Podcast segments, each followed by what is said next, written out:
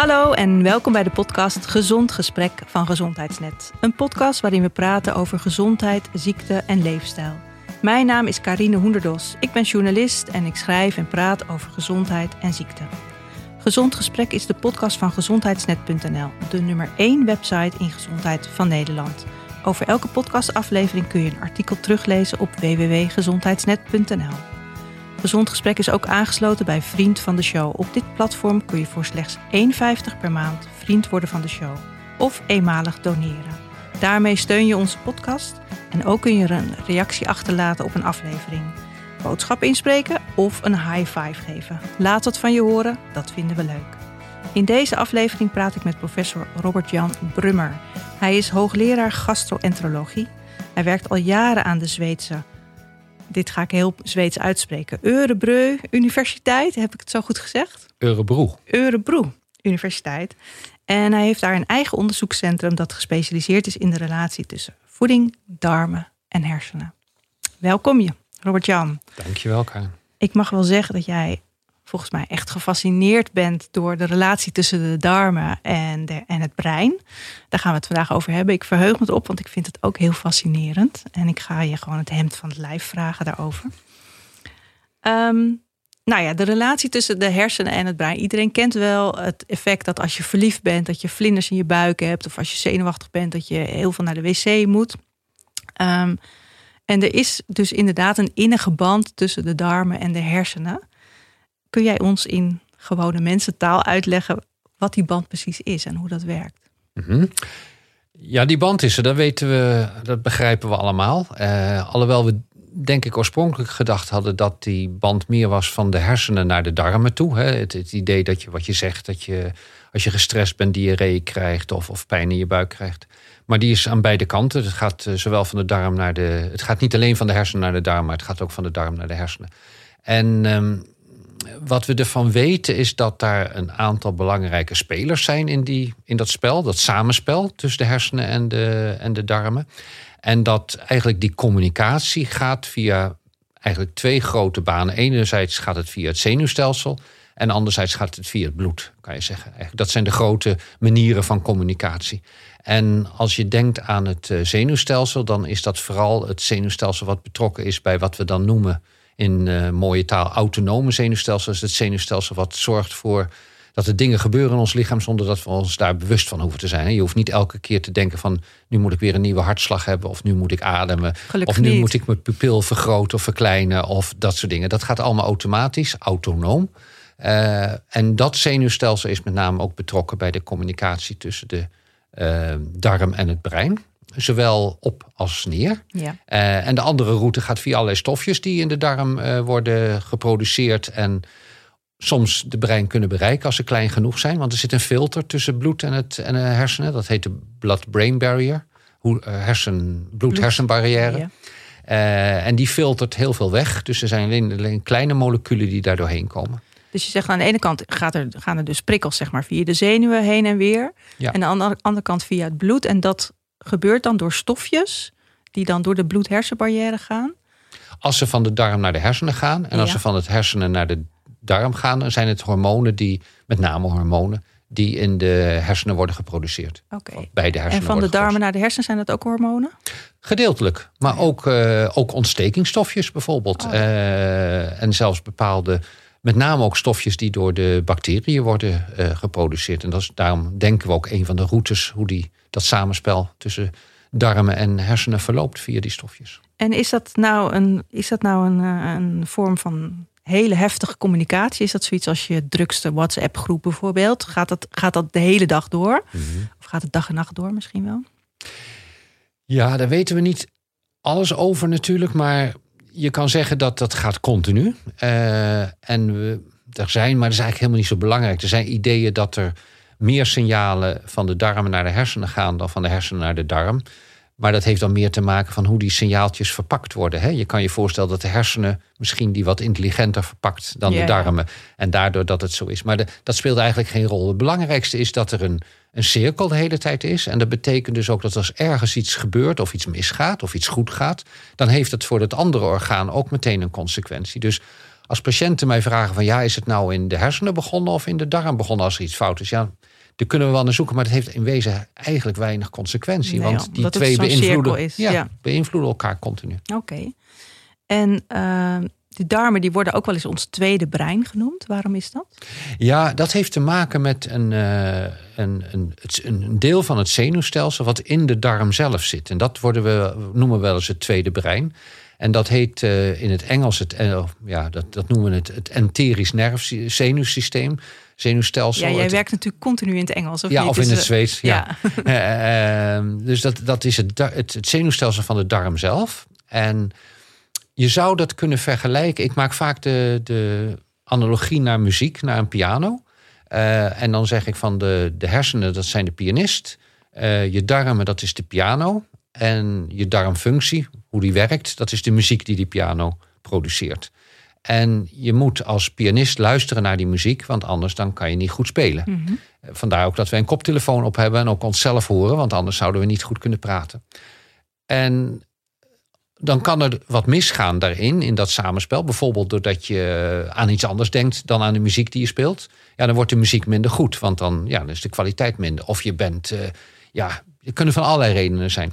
En als je nou nog verder in die analogie of die metafoor gaat en denkt aan dat zenuwstelsel van de darm, dan zou je dat een beetje kunnen vergelijken met het, eh, het hammerklavier in een piano. Als je, als je op een toets van de piano drukt, dan gebeurt er heel veel in die piano. Uiteindelijk wordt er een aantal snaren aangeslagen. Maar dat is wel een soort automatisme. Eh, dus dat, die piano die maakt muziek, maar je moet er wel met je vingers op die toetsen drukken. Eh, maar als je op die toets drukt, dan gebeurt er iets automatisch. En zo is dat een beetje met het zenuwstelsel van de darm ook. Dat, het, het is intelligent, maar het, heeft, het kan op zichzelf werken, maar het heeft eigenlijk input nodig. En dat doet die darm. Die darm en die darmslijmvlies geeft signalen en daardoor komt dat zenuwstelsel in gang. En kan een aantal automatische, ja, automatische signalen afgeven. Oké. Eh, dus Dus, is, en als de, darm, de hersenen en de darmen goed samenwerken, dan werkt de pianist en de piano goed samen en dan ontstaat er mooie muziek. En dat, Ja. die mooie muziek Ja. is dan dat de darm goed werkt? Ja, precies. En Ja. de, exact. En je kan nog die, die, die metafoor nog verder zeggen. Dan kan je zeggen, de, de noten die je leest als pianist, dat is eigenlijk de voeding. Wat de darm normaal eet. Oh, Want ja. zonder, goede, zonder goede noten kan je ook niet spelen, zou Ja. ik maar zeggen. Oké. Dus, Nou, mooi. mooi, Ja. mooi eh, ik ga voortaan heel anders naar mijn darmen dus, luisteren. dus dat is eigenlijk het antwoord op die vraag van wat dat tweede brein, dat is dat, dat, dat eigen zenuwstelsel in de darm. Ja. Ja. En is dat, is dat zo speciaal dat het het tweede brein wordt genoemd? Ik bedoel, zijn er zoveel zenuwcellen in de darm? Of Ja, het zijn wel heel veel zenuwcellen. En het, ehm, buiten de hersenen om is dat wel het grootste conglomeraat van, van zenuwcellen. Ja. Ja. Ze zijn heel slim, onze darmen? Ja. Hm, Ja. Oké. En wat hebben we daaraan? Wat hebben we eraan dat de, de hersenen en de darmen de hele dag door signalen uitwisselen? Waarom, waarom is dat? die existentiële vraag heb ik me natuurlijk ook afgevraagd. en soms denk je wel eens, zeker als je in de kliniek werkt, dat het was makkelijker geweest als het niet zo was. Waarom? Eh, nou, dan hadden we misschien niet zoveel problemen ermee. Ehm, Want het gaat ook wel eens mis. Ja, en Ja. dat zijn natuurlijk de gevallen die wij zien. Ja. Ehm, en het niet alleen patiënten, ik bedoel, je kan ook gewoon last van je buik hebben door allerlei redenen. En dan, eh, ja. Ehm, ik denk dat het toch te maken heeft dat je ehm, als, als, als lichaam, als mens, zijn we natuurlijk, moeten we ons voor kunnen bereiden op allerlei stressfactoren, allerlei ja, aanvallende zaken op je lichaam waar je je tegen moet kunnen weren. En je zou je kunnen voorstellen dat je hersenen een dermate intelligentie hebben dat die je darmen ook weerbaarder zouden kunnen maken dan als die hersenen er niet waren. Dan, dan zou je darm het allemaal zelf moeten klaren. En nu zet je een orgaan in, in die verdediging, eh, die ja, het meest intelligente orgaan van je lichaam is. Dus de, de- voor mij is dat de reden waarom, waarom het zo werkt. Maar, ehm, en waarom heeft ja. die darm dan zoveel extra bescherming daarin nodig? Omdat dat een orgaan is wat in, met de buitenwereld in aanraking Er zijn komt? eigenlijk maar drie organen direct, of ja, er zijn er wel meer, maar drie grote organen die direct met de buitenwereld samenhangen. Dat is je huid, je darm en je longen. Ja. En eh, dat zijn de grote oppervlaktes in je lichaam. Je ogen natuurlijk ook en zo. Maar dat zijn wel de grote oppervlaktes. Waarmee de, de buitenwereld naar de binnenwereld wordt eh, geconfronteerd. En net als bij de longen. eh, het is natuurlijk ontzettend belangrijk dat je zuurstof opneemt. Dat die longen dat doen. En ja, als je geen voeding kan opnemen, dan kan je niet leven. Dus Ja. dit is een, een extreem belangrijke functie. Ja. Eh, we hebben die buitenwereld nodig om de binnenwereld te laten leven. Oké, dus het is een soort ultiem beschermingsmechanisme dat Ja. waarschijnlijk al oeroud is. Ja, ja waarschijnlijk. Ja. Oké. Ehm, nou ja, ehm, laten we het ook nog even hebben over, de, over wat er in die darmen aanwezig is. En dat is dat microbioom, want dat, daar weet jij ook heel veel van.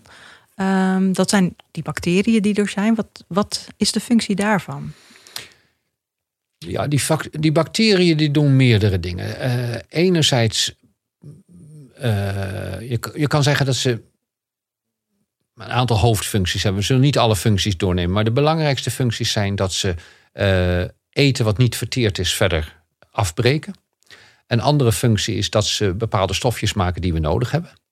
Eh, en een derde factor is ook dat doordat er zoveel bacteriën zijn, beschermen ze ons ook tegen vijandige bacteriën die we tegenkomen. Want ja, als alles al bezet is met heel veel bacteriën, dan zullen nieuwe bacteriën, vijandige bacteriën, schadelijke bacteriën, minder kans hebben om zich te nestelen dan als het een hele lege darm zou zijn. Oké, er is gewoon geen plek. In Dus de, het is ook gewoon een, een verdedigingsmechanisme.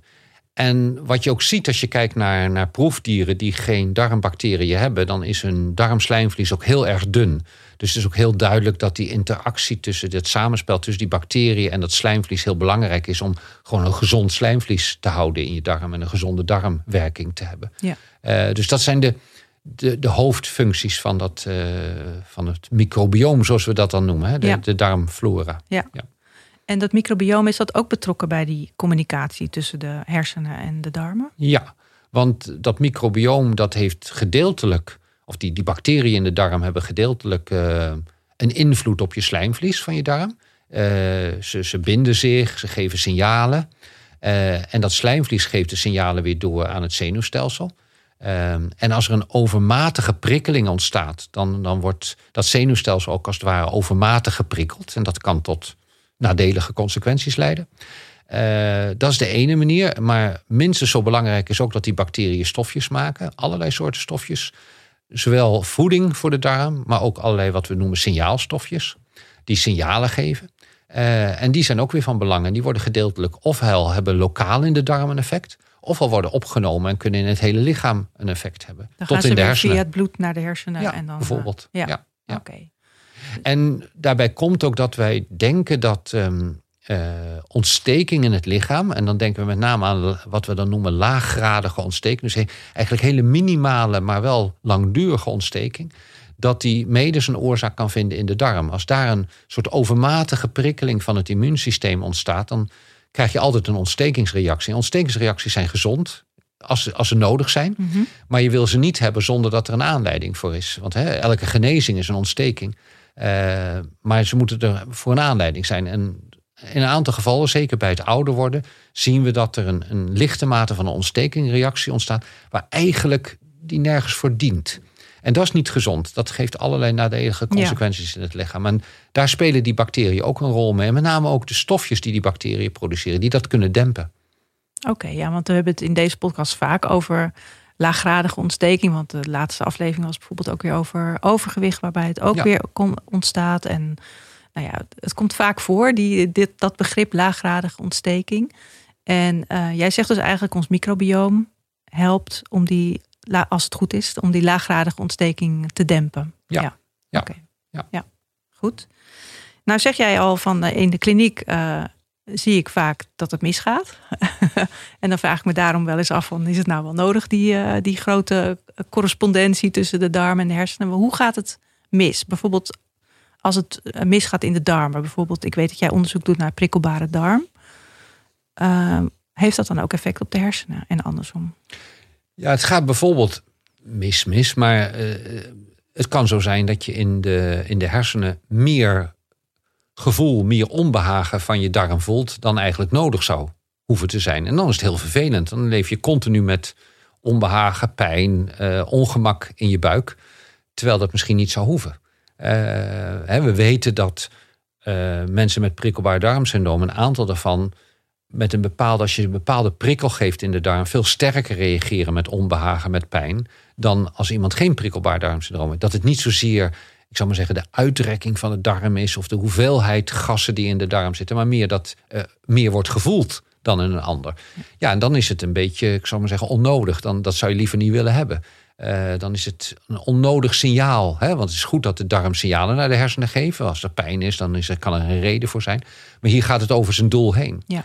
Dus dat is bijvoorbeeld een reden. Uh, andere uh, problemen die we zien is dat er doordat er ontstekingsreacties zijn, meer kans is op depressie, op angststoornissen.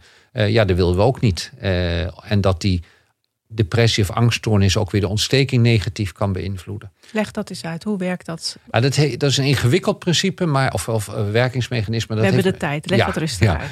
Dat heeft met name te maken via uh, een stofje serotonine. Uh, en serotonine weten we wel dat dat...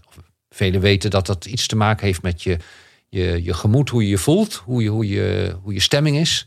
Uh, Gelukstofje, toch? Ja, Precies. Antidepressieve medicijnen werken vaak door het verhogen van serotonine in de hersenen. Uh, lokaal in de hersenen doen ze dat, maar ook wel in de darm. Um, dus het heeft met serotonine te maken. Nou, een van de dingen die we zien is dat als je ontsteking in je lichaam hebt, dan uh, is een stofje wat tryptofaan heet, dus een aminozuur, essentieel aminozuur. En dat is een bouwstof voor serotonine. En uh, als je ontsteking hebt, dan wordt dat stofje tryptofaan naar andere stofjes toegeleid en wordt er andere stofjes uitgeproduceerd dan serotonine. Dus er is gewoon minder tryptofaan beschikbaar om serotonine te maken. En dat vermindert je serotonine-effect in je lichaam. Uh, en dat betekent ook dat serotonine gaat niet van je darmen naar de hersenen over. Daar is te groot voor. Mm Maar als jij je tryptofaan gebruikt voor andere dingen dan serotonine, ja, dan kan die tryptofaan niet je hersenen bereiken. En wordt er dus ook in je hersenen minder serotonine gemaakt. En dat, daar kan je last van krijgen. In de zin van depressie of angststoornis. Uh, en dat is iets wat we natuurlijk willen voorkomen. En dat heeft direct met een ontsteking te maken. Dus door die laaggradige ontsteking uh, wordt tryptofaan voor iets anders gebruikt dan wordt er dan voor ontstekingsremmers of zo gebruikt? Of? Nee, het gaat naar stofjes toe die, waar wij eigenlijk het, het nut zozeer niet van inzien. uh, die op zich ook weer een beetje schadelijk zijn. Ook weer ontstekingsreacties, ontstekingssignaalstofjes geven. Waarschijnlijk te maken omdat natuurlijk als er ergens een ontsteking ontstaat, dan is ons lichaam gewend erop te reageren. En zendt signalen uit, hier is ontsteking, er moet van alles gebeuren. Hè. Er moeten witte bloedcellen naar je toe komen. Maar in dit geval gaat het over zijn doel heen. Ja, oké. En, en daardoor wordt er uiteindelijk minder serotonine in je, in je hersenen ja. gemaakt, waardoor je stemming negatief kan uh, worden beïnvloed. Ja. En um, stel, je hebt een depressie, is het dan zo dat daar altijd dus ook een darm effect is? Of? Eh, niet altijd, maar je kan wel zeggen dat heel veel, als je gaat kijken naar bijvoorbeeld in, in de kliniek, mensen die daar, eh, of op de polykliniek die met depressie komen, als je gaat vragen naar darmproblemen, dan zie je een, een meer dan je op basis van wat je zou verwachten van een gemiddelde, zie je veel meer darmproblemen. Uh, veel meer mensen die darmproblemen hebben. Uh, alleen vaak vraagt de psychiater daar niet naar, want die is natuurlijk geïnteresseerd in andere symptomen in eerste aanleg. Ja. ja. Maar het is heel, heel bekend dat uh, bij depressie ook veel darmproblemen zijn. Ja. En, en, bij angststoornissen weten we het natuurlijk, hè, dat er vaak zowel verstopping, maar met name ook veel diarree voorkomt. Ja. ja. En is het dus ook een aanknopingspunt om te zeggen van nou, als ik goed voor mijn darmen zorg, als ik mijn darmen beter laat functioneren, dan kan mijn depressie verminderen? Of is, ga ik nu veel te kort door de bocht? Ja, eh, niet helemaal. uh, het idee is dat als je je darmen gezonder maakt, en we kunnen daar nog wel even direct op ingaan, wat, wat is dat gezondheid mhm. van de darm nou?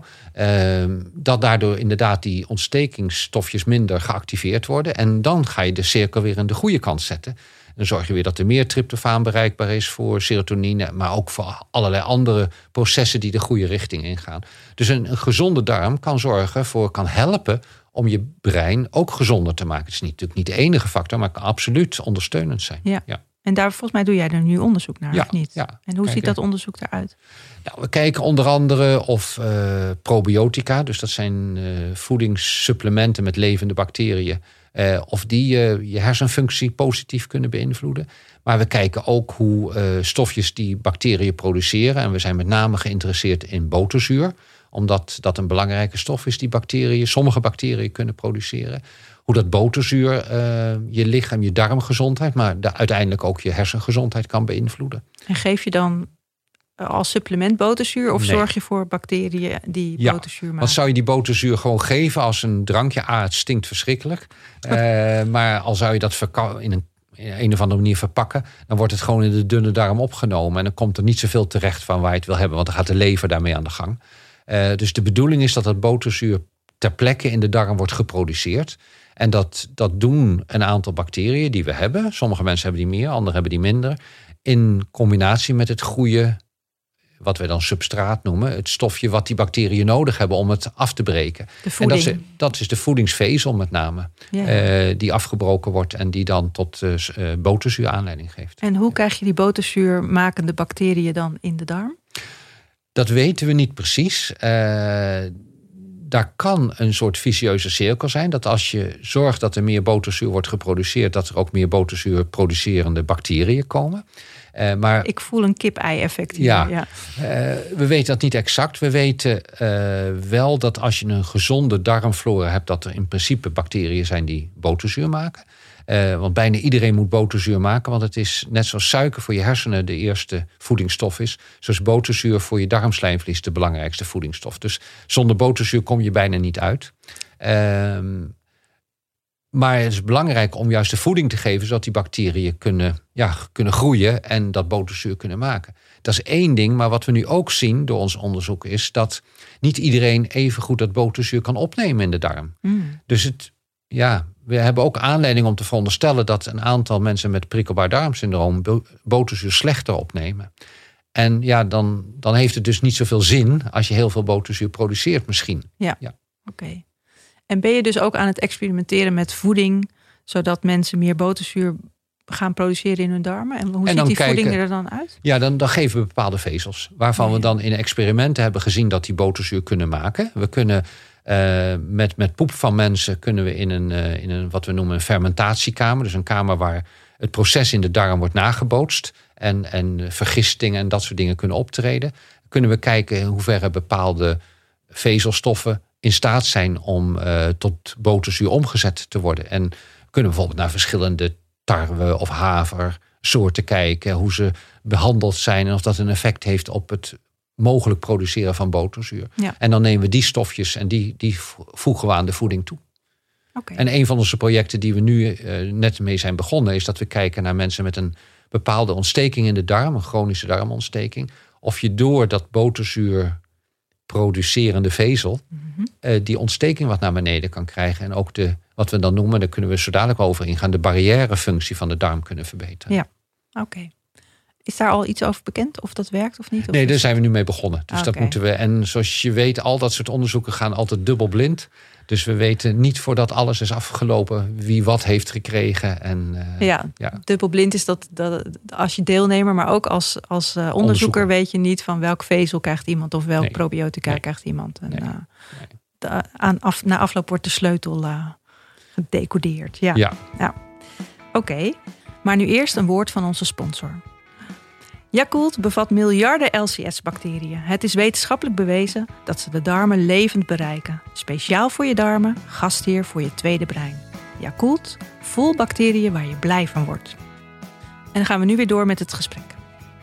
Um, nou, jij noemde net al de, de barrièrefunctie van de darm. Uh, is dat ook wat wel eens wordt genoemd de lekkende darm? Ja, uh, alhoewel ik die die lekkende darm, die leaky gut, ik probeer dat altijd te vermijden. Want het is een. Klinkt zo vies? Het, klinkt heel vervelend. Oh. En, en het klinkt alsof het echt helemaal lek is. Een, een, een, zeef. En zo is het natuurlijk niet. Het is alle, alle, alle graden van ernst zijn mogelijk.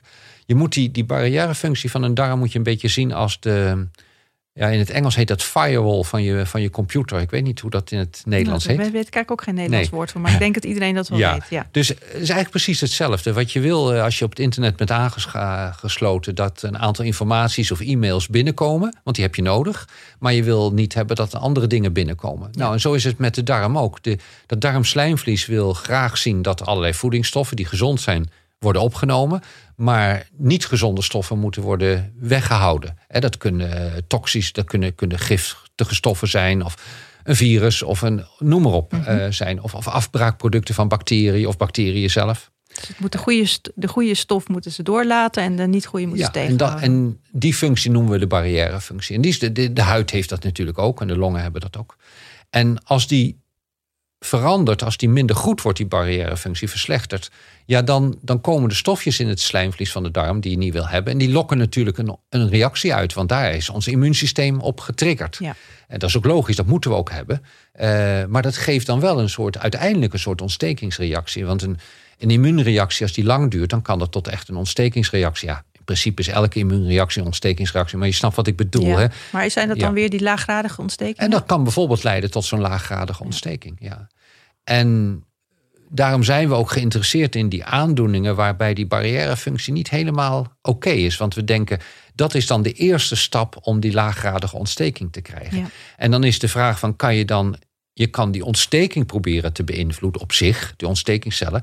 Maar je zou ook die barrièrefunctie van de darm kunnen Want dan pak je proberen het probleem bij de wortel aan. ja. Ja. Nou, en dat is bijvoorbeeld wat we nu denken: kunnen we met boterzuur die barrièrefunctie van de darm verbeteren? Dus als je nou denkt aan die aandoening in de darm, die een ontstekingsaandoening in de darm is, ja, je kan stofjes of medicijnen geven die de ontsteking remmen. Maar wij denken, kan je misschien een vezel geven die de barrièrefunctie verbetert en op die manier de ontsteking remmen. En daar hebben we nu een, een, eh, een EU-subsidie voor gekregen om dat te doen. Om zo'n studie daar, daarna Ja. te doen. Ja. En hoe meet je dat? Hoe meet je of een darm Ja, lek is of niet. Ja, lek. Ik wilde het Ja. woord lek Nee. niet meer noemen. Maar Nee, de doorlaatbaarheid van de darm. Ja. Ja. Ehm, allereerst zou ik willen zeggen dat barrièrefunctie en doorlaatbaarheid twee niet helemaal dezelfde dingen zijn. Dus de barrièrefunctie is meer dan de doorlaatbaarheid. De barrièrefunctie zit ook een stukje immuun in en van alles. De doorlaatbaarheid is echt meer de, ja, de fysieke doorlaatbaarheid. Welke stofjes gaan er doorheen en welke niet? En hoe groot zijn die stofjes?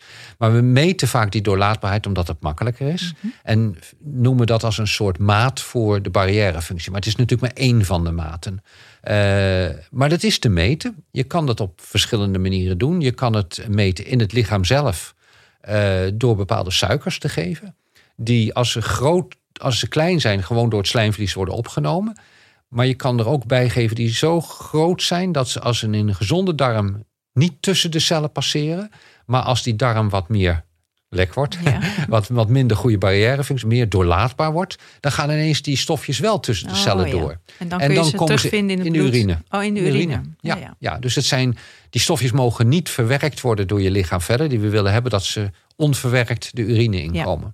Eh, en dat kunnen we meten van zowel de dunne darm als de dikke darm. Want het zijn aparte stofjes. Ja.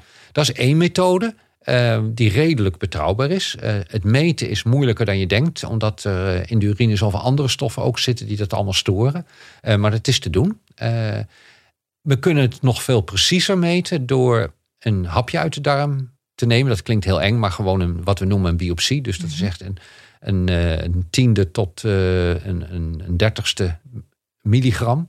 Eh, en dat, dat kleine, hele kleine stukje, dat monteren we in een kamertje, wat we dan noemen. Dat noemen we een Ussing-kamertje.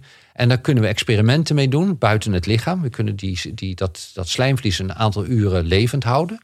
En dan kunnen we kijken hoe doorlaatbaar die is voor allerlei bepaalde stoffen. En we kunnen ook nog eens een keer ter plekke dat stukje weefsel ook nog stressen. We kunnen het onder. En dan kunnen we zien hoe die daarop reageert. Want Jij begint echt helemaal te glimmen als je Ja. dit soort dingen Ja. vertelt. Omdat dat. Ja, het is natuurlijk heel technisch, maar het is wel. eh, Je hoe je het eigenlijk die hele black box moet gaan eh, Ontrafelen. ontrafelen ja. Ja, en als je dat niet in de mens zelf kan doen, dan het beste wat je daarna kan doen is iets uit de mens, maar dan van dat ene individu Ja. eh, verder meten. En ja, je kan niet allerlei stressende stofjes in de darm geven, maar we kunnen wel kijken hoe de darm erop reageert net buiten het lichaam een uurtje daarna. Ja. Ja. Dus daar zijn we profs in om dat te doen. Ja. Interessant. En ik ben benieuwd wat daar dus dan allemaal weer uitkomt. Maar jij waarschijnlijk ook, of niet? Ja, tuurlijk. Ja, Want is ja. er nog veel te ontdekken op dit gebied? Ja, ja we, we zijn eigenlijk pas in het begin. Ja, dat, en zeker als het gaat om het belang van de darmflora, van het microbioom.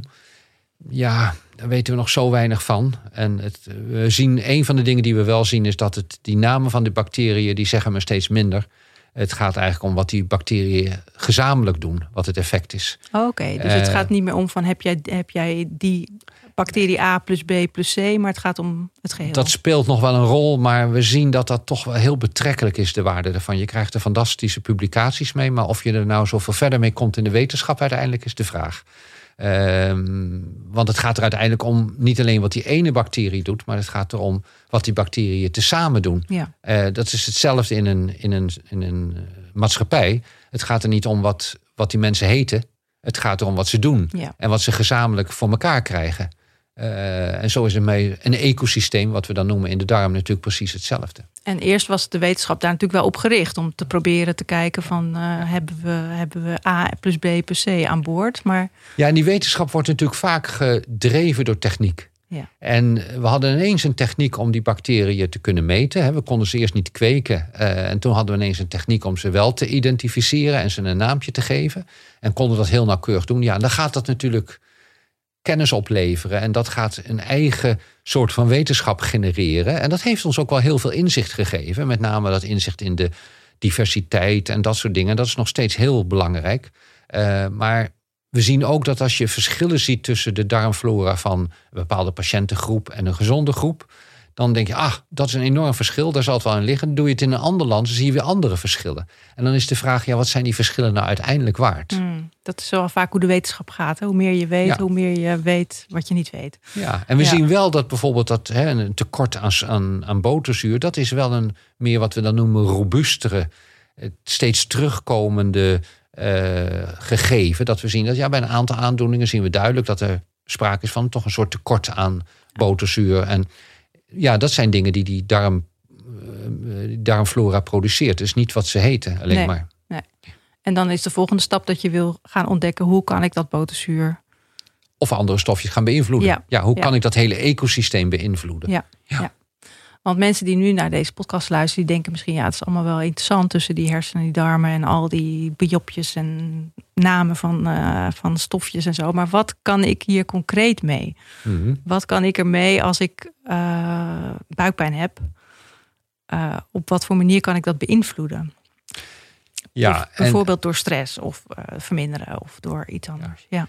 Dat is natuurlijk altijd makkelijk gezegd, minder stress. Eh Ja. dus daar zitten de mensen niet op te wachten, want dat weten ze zelf natuurlijk in wezen ook wel.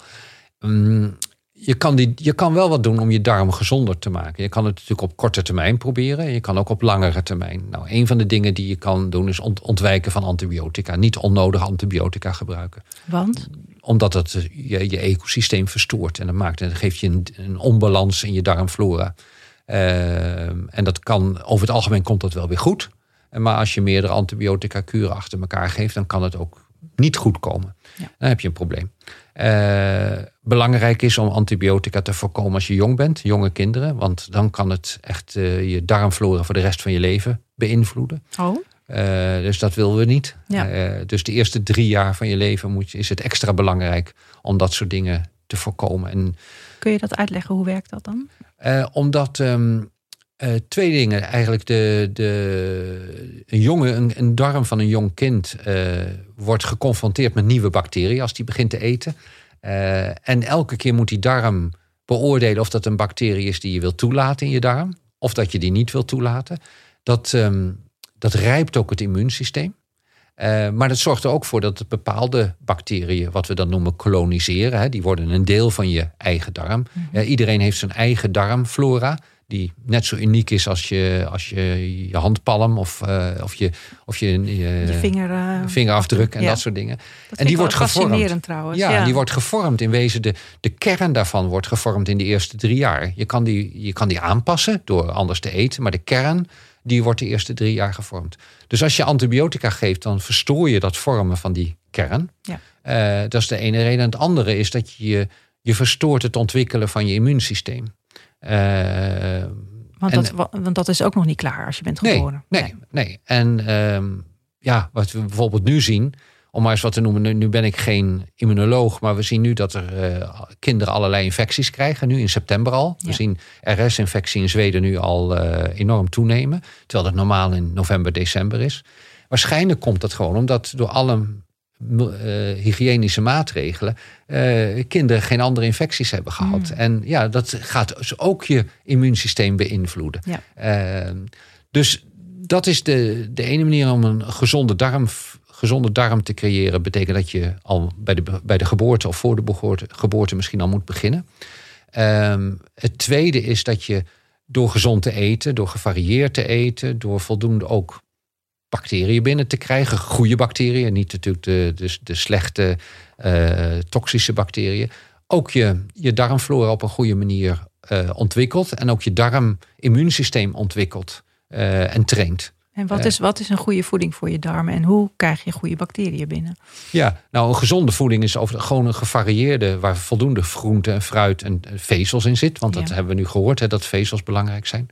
Dus, dus alle plantaardige producten. Ja, precies. Daar, zit het, daar zitten die vezels in. Granen. Ja, van alles. Uh, voldoende uh, gevarieerd. Uh, dat is ook belangrijk. Um, Waarom is dat belangrijk? Omdat je daarmee elke keer weer andere bacteriën aanzet tot het vormen van, van stofjes. En, en de, de, die bacteriën die communiceren met elkaar doordat de ene weer een stofje maakt wat de andere opeet. En daar weer een nieuw stofje van maakt wat de andere weer eet. En zo gaat het. En je, je, je ontwikkelt dus een veel, veel uh, uh, hoe zullen we dat? Resilient heet dat tegenwoordig. Een weerbaarder systeem. Als je elke keer andere inputs geeft. Want dan wordt het een heel robuust samenwerking van die, van die darmbacteriën.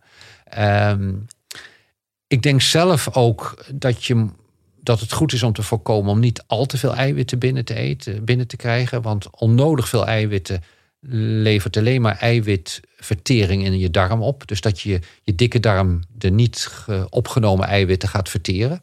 Uh, en dat is over het algemeen niet erg gezond. Daar, daar treden stofjes bij op die niet de darmgezondheid positief beïnvloeden. Ik zou maar zeggen, gemiddeld dat geldt het voor iedereen, is dat anders. Maar misschien als er van de tien stofjes twee goed zijn en acht eh, minder goed zijn, zal ik maar zeggen. Dus de mhm. netto-effect is niet zo goed en van eiwit. Wanneer heb je het over te veel eiwit? Als je...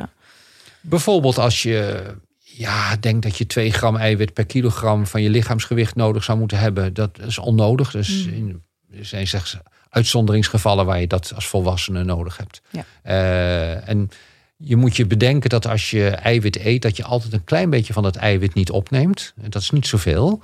Uh, maar goed, er is altijd een klein beetje wat je niet. En dat wordt weer afgebroken in de dikke darm tot niet zulke goede stoffen. Oké. En dan komen we op een ander punt waar we nu met veel onderzoek aan zijn begonnen. Waar we, wat nooit zo in het nieuws is gekomen, is dat plantaardige, dus eiwitten van plantaardige oorsprong, niet dierlijk, wat natuurlijk moet vanwege de agenda 20 2030. Duurzaamheid, uh, De duurzaamheid, daar moeten we, we moeten die kant op. Uh, maar die plantaardige eiwitten die worden over het algemeen niet zo goed opgenomen in de darm. Er wordt niet zoveel rugbaarheid aan gegeven. Mm, nee, dat is niet een politiek correcte boodschap. Nee. Uh, nee. En, maar het gevolg is dus wel dat we helemaal niet weten wat de gezondheidseffecten zijn van dat eten van dat soort eiwitten. Ja. En dat, daar hebben we aan de bel getrokken in Zweden. En daar hebben we nu een groot onderzoekscentrum voor opgezet. Met een subsidie van 4 plus 4 jaar. Uh, om dat te gaan onderzoeken. Uh, want dat is, wat wij willen is dat dat soort uh, duurzaam geproduceerde voeding ook gezond is. En we willen eigenlijk hebben dat het nog gezonder is, die eiwitten, dan de alternatieve eiwitten van dierlijke oorsprong. Ja. Maar dan moeten we misschien kijken hoe moeten we die eiwitten dan bewerken. Of hoe moeten we andere dingen tegelijkertijd eten met die eiwitten.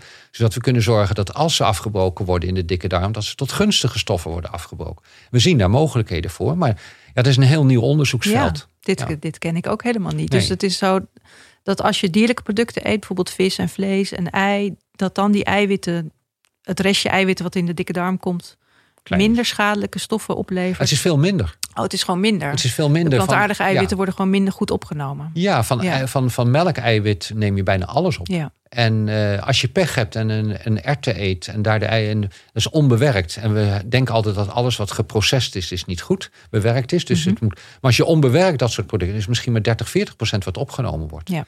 En dan is er 60 procent wat lekt. Ja. Wat ook betekent dat wat erop staat als er 10 gram eiwit in staat, ja, maar dat is, dat is wel aardig. Maar je neemt misschien maar 6 gram op. Ja, oké. Okay. Nou, interessant. En denk maar eens aan oudere mensen waar die wel misschien een, een grotere eiwitbehoefte hebben omdat ze weinig eten. Uh, ja, die, die worden dan, ik zal maar zeggen, niet misleid. Maar die denken dat ze misschien voldoende eiwit binnenkrijgen, maar dat eigenlijk niet krijgen. Ja.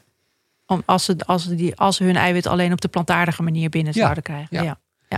En we denken natuurlijk dat plantaardig of vegetarisch eten gezond is. En dat zal het ook wel zijn, want de verpakking van die eiwit is over het algemeen gezond. Die, terwijl de verpakking in in dierlijke eiwitten, in vlees en zo kan tot nadelige effecten, vetten of, of het rode vlees met het hemoglobine, tot nadelige effecten leiden. Dus het geheel is wel gezond in dat vegetarische, maar die eiwitten zelf, daar hebben we onze twijfels over. Hm. Oké, goed. Dus we hebben het nu gehad over antibiotica. We hebben het gehad over vezels. Hebben het gehad over niet te veel eiwitten. Ja. En wat kun je verder nog doen? Ja, we denken, maar er is natuurlijk relatief weinig onderzoek over dat de, lichaamsbeweging, dat soort dingen zijn ook gewoon de hele levensstijl is ook van belang. Ja. Eh, voldoende slapen, dat soort dingen spelen ook een rol. Alleen daar is relatief weinig onderzoek naar gedaan. En het probleem is ook een beetje natuurlijk dat mensen die gezond eten vaak ook gezonder leven. Eh, niet Ja. allemaal, maar dat het heel vaak samengaat en dat het daardoor in onderzoek moeilijk eh, vaak te ontrafelen is welke factor het belangrijkste is. Ja, maar is dat, ook, is dat überhaupt belangrijk om te ontrafelen welke factor? Want het gaat toch vaak juist om het geheel. Ja, maar je zou natuurlijk graag willen weten welke mate het ene belangrijker is dan het andere. Stel dat nou het slapen erg belangrijk is of juist niet. Stel je voor dat je iedereen ongelukkig maakt als je, omdat je denkt dat je allemaal 8,5 uur of 8 uur moet slapen. Terwijl misschien voor een aantal mensen het helemaal niet uitmaakt. Ja, Eh, dan zou je dat natuurlijk wel willen weten. oké. Dit is de wetenschapper in jou. Maar ik, Ja. ik snap, ik snap Eh, het. Ja. Geneesmiddelen, heel veel geneesmiddelen hebben een nadeel op de darmflora en de darmgezondheid. Bijvoorbeeld zuurremmers, eh, die heel veel worden gebruikt. Maagzuurremmers. Maagzuurremmers, Ja. ja. Dus dat zijn zaken die je moet zien te voorkomen. En zo zijn er meerdere geneesmiddelen die een nadelig effect hebben. En En die de pijnstillers bijvoorbeeld hebben een echt na- nadelig Ja. effect op de, op de darm. Oké. Niet de paracetamol, maar al de, de andere pijnstillers. En ehm, bacteriën toevoegen, bijvoorbeeld door gefermenteerde producten te eten Ja. of door probiotica. Is dat goed? Dat kan in ieder geval geen kwaad. Ehm, we weten natuurlijk uit onderzoek dat een aantal van die bacteriën het ook overleven. eh, de, de dunne darm en ook in de dikke darm terechtkomen. Dus gefermenteerde producten, dat kan zowel zuivelproducten als gefermenteerde koolsoorten en dat soort zijn. Absoluut aan te raden. Ja. Eh, maar je moet ook niet vergeten de, de, wat we noemen de, de prebiotica. Dus de stofjes die ervoor zorgen dat goede bacteriën worden ontwikkeld. Dus de vezels. Ja. Dus het is een combinatie. Nou is het vaak zo dat in die ge- ehm, gefermenteerde producten... ge- eh, waar bacteriën in zitten, ook vaak vezel in ja, zit. in zuurkool zitten gewoon vezels door de ja, zuurkool. Ja, ja. ja. Oké, in yoghurt dan weer niet. Nee, Oké, en ehm, nou, dat is dus een manier om, om goed voor je darmen te zorgen. En denk jij dus ook dat dat uiteindelijk, als je goed voor je darmen zorgt, dat daardoor je brein ook beter gaat functioneren? En dat het echt een wisselwerking is? Dat bijvoorbeeld goed eten je stemming echt kan beïnvloeden? We hopen dat in ieder geval. En er is veel aanleiding om te denken dat het zo is. Eh, en er zijn een aantal onderzoeken die daarop duiden. Ehm, of dat nou het 100% bewijs is, ehm, zover zijn we misschien nog niet helemaal. Maar er zijn heel veel onderzoeken die een hele sterke richting daarin geven. Dat een bepaald type gezonde darmflora met veel variabiliteit... dat die een gezondere tot minder depressie aanleiding geeft. Al dat soort dingen meer. Ja. Ehm, en wij, ons eigen onderzoek duidt daar ook op. Maar ik ben er altijd een beetje voorzichtig mee, omdat het ja, het echte 100% bewijs is vaak. Je kan natuurlijk overal wel iets tegen inbrengen. Eh, en als wetenschappers zijn we daar eh, professionals in om tegen alles wat we denken ook een tegenargument te hebben. Ja. Maar er is wel heel veel wat erop op eh, duidt. En veel meer dan dat het niet het geval was. Ja. Dus ik ga er voorlopig maar vanuit. Ja. Oké. Ja. En hoe zit het met, met aandoeningen als autisme of ADHD? Is daar ook een relatie tussen Ja, wat we zien daar is dat eh, mensen die bijvoorbeeld ADHD of autisme of dat soort eh, problemen hebben, ehm, dat die een andere darmflora hebben. Maar wat dat nou helemaal de. wil nog niet zeggen dat die darmflora daar de oorzaak van is. Er zijn natuurlijk vele andere dingen. Je, je levensstijl kan veranderen. Je kan misschien andere dingen eten. Ehm, dus dat is nog moeilijk te zeggen. Ehm, er is nog te weinig om echt te zeggen, nou, als je je darmflora bijvoorbeeld verandert, dat je dan ook je problemen verandert van ADHD of autisme. Eh, autisme op- is natuurlijk een heel breed spectrum. natuurlijk wel de, de, Ja. de N is één gevallen van mensen die eh, een Ja. autistisch kind hebben, die dan hun de voeding veranderen of antibiotica kuur. En dat dan gedrag van het, ki- van het Maar we kind denken verandert. zeker dat daar mogelijkheden toe zijn. We doen ook, ook theoretisch onderzoek doen naar van wat zouden nou bepaalde veranderingen in de darmflora zijn die gunstig zou kunnen zijn. Voordat we daar nou echt, ehm, echt experimenten naar gaan doen. Want we moeten natuurlijk wel een, een goede onderbouwing hebben dat het ook echt werkt. We kunnen niet eh, zomaar even mensen proefkonijn laten zijn. Ja. Dus ik, ik ben, we zijn daar terughoudend in, maar we doen veel ja, theoretisch voorwerk eh, om daar naar te kijken. En wat we ook willen is dat we kunnen meten in de hersenen wat de effecten zijn. op een, op een vroegtijdig stadium. Dat je niet een half jaar hoeft te wachten. Mhm. Of dat je, dat je alleen maar op bepaalde vragenlijsten afgaat. Hoe iemand zich voelt. Eh, Want is, je wil wat meer ook objectievere eh, methodes hebben om de darm of de hersengezondheid te kunnen meten, hersenfunctie. Ja. En wat we daarvoor doen is dat we MR, eh, magnetische resonantiecamera, dus de, de, die in het ziekenhuis hebben, ja. de MR-scan, dat we die daarvoor gebruiken. En dan een bepaalde type daarvan, dat we niet alleen naar het brein anatomisch kijken, maar dat we naar de functie van het brein kijken. Welke delen van de hersenen zijn actief? Hoe werken die delen van de hersenen met elkaar samen? Om op die manier eerder te kunnen zien of, of bepaalde veranderingen een effect hebben of niet. Ja.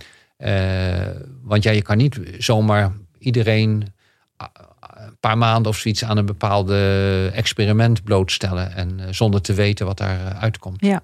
En heb je daar al ervaring mee? Dat, dat je hebt gemerkt van, hé, hey, dit heeft effect? Of? Ja, we hebben met dat MR-onderzoek ervaring. En we zien ook dat we veranderingen in hersenfunctie kunnen meten. eh, relatief snel. eh, naar bijvoorbeeld een verandering van, met probiotica. Eh, wat we nog niet helemaal weten is wat die consequenties van die veranderingen zijn. Hoe moeten we die veranderingen in die foto's, zou ik maar zeggen, en in dat netwerkfunctie van je brein, hoe moeten we die vertalen naar nut? Eh, daar zijn we mee bezig. Eh, maar het is wel hoopgevend dat we al, al nu al zo snel eigenlijk al veranderingen in het brein kunnen meten. Eh, Dus bij mensen zulke- krijgen probiotica en je kunt dan effect zien in de, in de hersenen. Dat Ja, is al op ja. zich al fascinerend Ja. natuurlijk. Ja. We kunnen ze bijvoorbeeld in de camera aan een bepaalde stress blootstellen. En dan kunnen we kijken als ze nou die probiotica hebben gegeten, of ze dan op een andere manier op die stress reageren. En dat, dat lijkt zo te zijn. Eh, maar dat zijn ingewikkelde onderzoeken die heel veel geld ook kosten, omdat dit eh, heel veel computer mm, ingewikkeld is voor de computer ook. En die, die, die, die beelden die we krijgen, is heel veel werk om die te analyseren. Heel erg veel werk zelfs. Dus we kijken nu naar ook methoden om dat wat op een simpele manier te kunnen doen, zodat we ook groter onderzoek kunnen doen. En vraag je het dan ook aan de proefpersonen van, hé, hey, hoe voel je je? Nou, wat we doen is, als we kunnen bijvoorbeeld zien hoe ze presteren op een bepaalde eh, taak die ze moeten doen. En dan is de, hoe ze presteren is eigenlijk niet het doel. Het is meer dat ze gestrest raken doordat ze die taak moeten uitvoeren. Maar tegelijkertijd kunnen we natuurlijk ook kijken hoe ze, hoe ze die taak uitvoeren. En daar zie je ook wel effect. Ja, dan zien we verschillen optreden. Oké. Ik voel, ik voel in dit gesprek heel erg van er is, er is nog zoveel te ontdekken in deze, in deze materie. En wat, wat verwacht jij nou voor de toekomst? Wat, of wat hoop jij voor de toekomst uit te vinden? Eh, Wat ik hoop is dat we, eh, en, en ik denk ook wel dat dat mogelijk is, dat we eh, onze aanbevelingen, voedingsaanbevelingen, aanbevelingen ten aanzien van darmflora, van dat soort zaken, dat we die kunnen individualiseren, dat we die op één persoon individueel kunnen afstemmen. Is dat nodig? En dat is denk ik nodig, omdat ehm, ja, iedereen is zo verschillend. En we merken dat ook. En denk maar eh, om je heen, eh, mensen met darmklachten, ze nemen een probiotica. De ene is er na zes weken vanaf daardoor. En de andere merkt geen enkel verschil. En gebruikt weer een ander probiotica, maar merkt dan weer verschil. Terwijl de andere daar weer niks van merkt. Dat het heel individueel is. En ja, zo is ons, ons darmsysteem is natuurlijk zo individueel. Ehm, dus daar moeten we wel naartoe. Anders denk ik dat we, als we dat niet doen, dan, dan komen we elke keer in zwakke effecten terecht. Dan zien we het, ja, dan zien we door de bomen het bos niet eigenlijk. Ja. Ehm, we moeten elke boom eh, afzonderlijk bekijken. Ja. Ehm, en dat is, een, ehm, dat is ingewikkeld, omdat we zelfs met, met eh, pharma, met, met geneesmiddelen, zover eigenlijk nog niet zijn. Ja, voor een aantal geneesmiddelen kunnen we dat individualiseren, maar voor heel veel nog niet. En nou kijk je naar voeding, waarvan de effecten niet eens zo sterk zijn als van geneesmiddelen. En willen we dat ook al zien. Dus dat vereist een enorme krachtinspanning en creativiteit en intelligentie om zover En voeding is natuurlijk ook veel diverser dan Ja. één pil. Ik Exact. Ja. En het effect is natuurlijk ook wat zwakker. En daarom heb, zie je, want ja, het effect van een geneesmiddel is sterk, maar je hebt ook bijeffecten. Ja. Ten koste van dat goede effect. ja, ik ben het niet met je eens dat het effect van voeding eh, zwakker is. Nou, in het regen, kijk, denk maar bijvoorbeeld aan het dalen van je bloeddruk. Ik bedoel, je kan met een geneesmiddel makkelijk je bloeddruk eh 20 mm kwikzilver laten, eh, laten dalen. Dat is met voeding nog niet 1, 2, 3 zo makkelijk Ja, te doen. Als je het zo bedenkt. Of Ja. het cholesterol. Het, het Eh, snelle effect, dat, ja, dat gaat beter. En deze. denk maar aan een antidepressivum, wat soms heel sterk kan werken. En dat is, we zijn nog niet zo ver dat we zeggen: Oh, u moet dat eten. En dan krijgt u dat effect. Nee. Dus het is een, samenspel. Dat, maar dat is wel een wens van jou voor de toekomst. Dat je kunt zeggen van meneer X, als ik kijk naar uw microbioom, dan is het waarschijnlijk dat u dit en dit moet eten, waardoor u zult Ja. opknappen. Ja, dus Ja. dat is wat we dan tegenwoordig personalized nutrition noemen. Ja. Eh, en het is ook niet zo erg als dat effect niet met een geneesmiddel te vergelijken is. Want geneesmiddelen geven we alleen maar als je ziek bent. Maar gezonde voeding willen we ook geven aan mensen die gezond zijn en ze langer gezond houden. Ja. Dus eh, veel meer mensen hebben nut van een gezonde voeding dan dat ze van geneesmiddelen hebben. Dus uiteindelijk het effect is enorm. Ja. En je hebt het ook je hele leven door. Terwijl geneesmiddelen, dat neem je alleen maar in als je ziek bent. Ja. Dus eh, dat is ook jouw wens, dat jij uiteindelijk ook de gezond. Je, je wilt je niet alleen maar richten op de zieke mensen. Nee. Maar hoe, hoe kan je zo gezond mogelijk zijn en zo gezond mogelijk blijven? Ja. En dat individualiseren.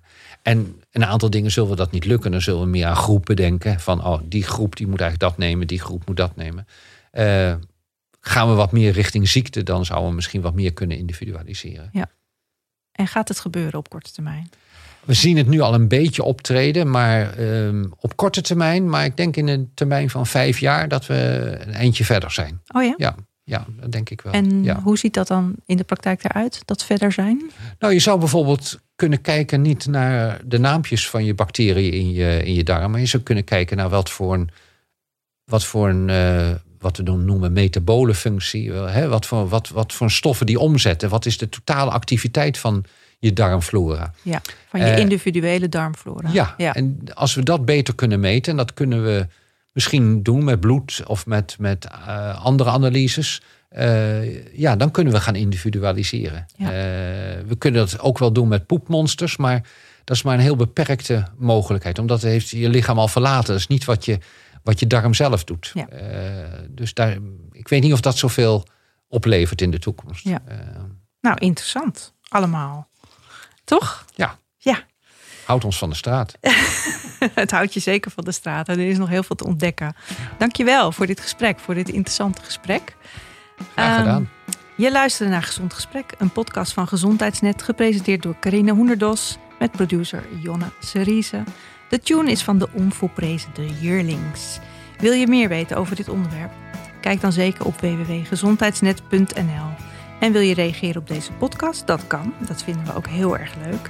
Je kunt reageren via Vriend van de Show. Gewoon een high five geven of een opmerking achterlaten of een extra vraag aan de gast stellen. Het alles kan. Vriend worden van Gezond Gesprek kan ook, al voor 1,50 per maand. Kijk op www.vriendvandeshow slash gezond koppelstreepje gesprek. We zijn verder heel blij als je deze podcast wilt delen, bijvoorbeeld op Twitter, Instagram of Facebook. Dan kunnen meer mensen onze podcast vinden. Tot de volgende keer. Tot het volgende gezond gesprek.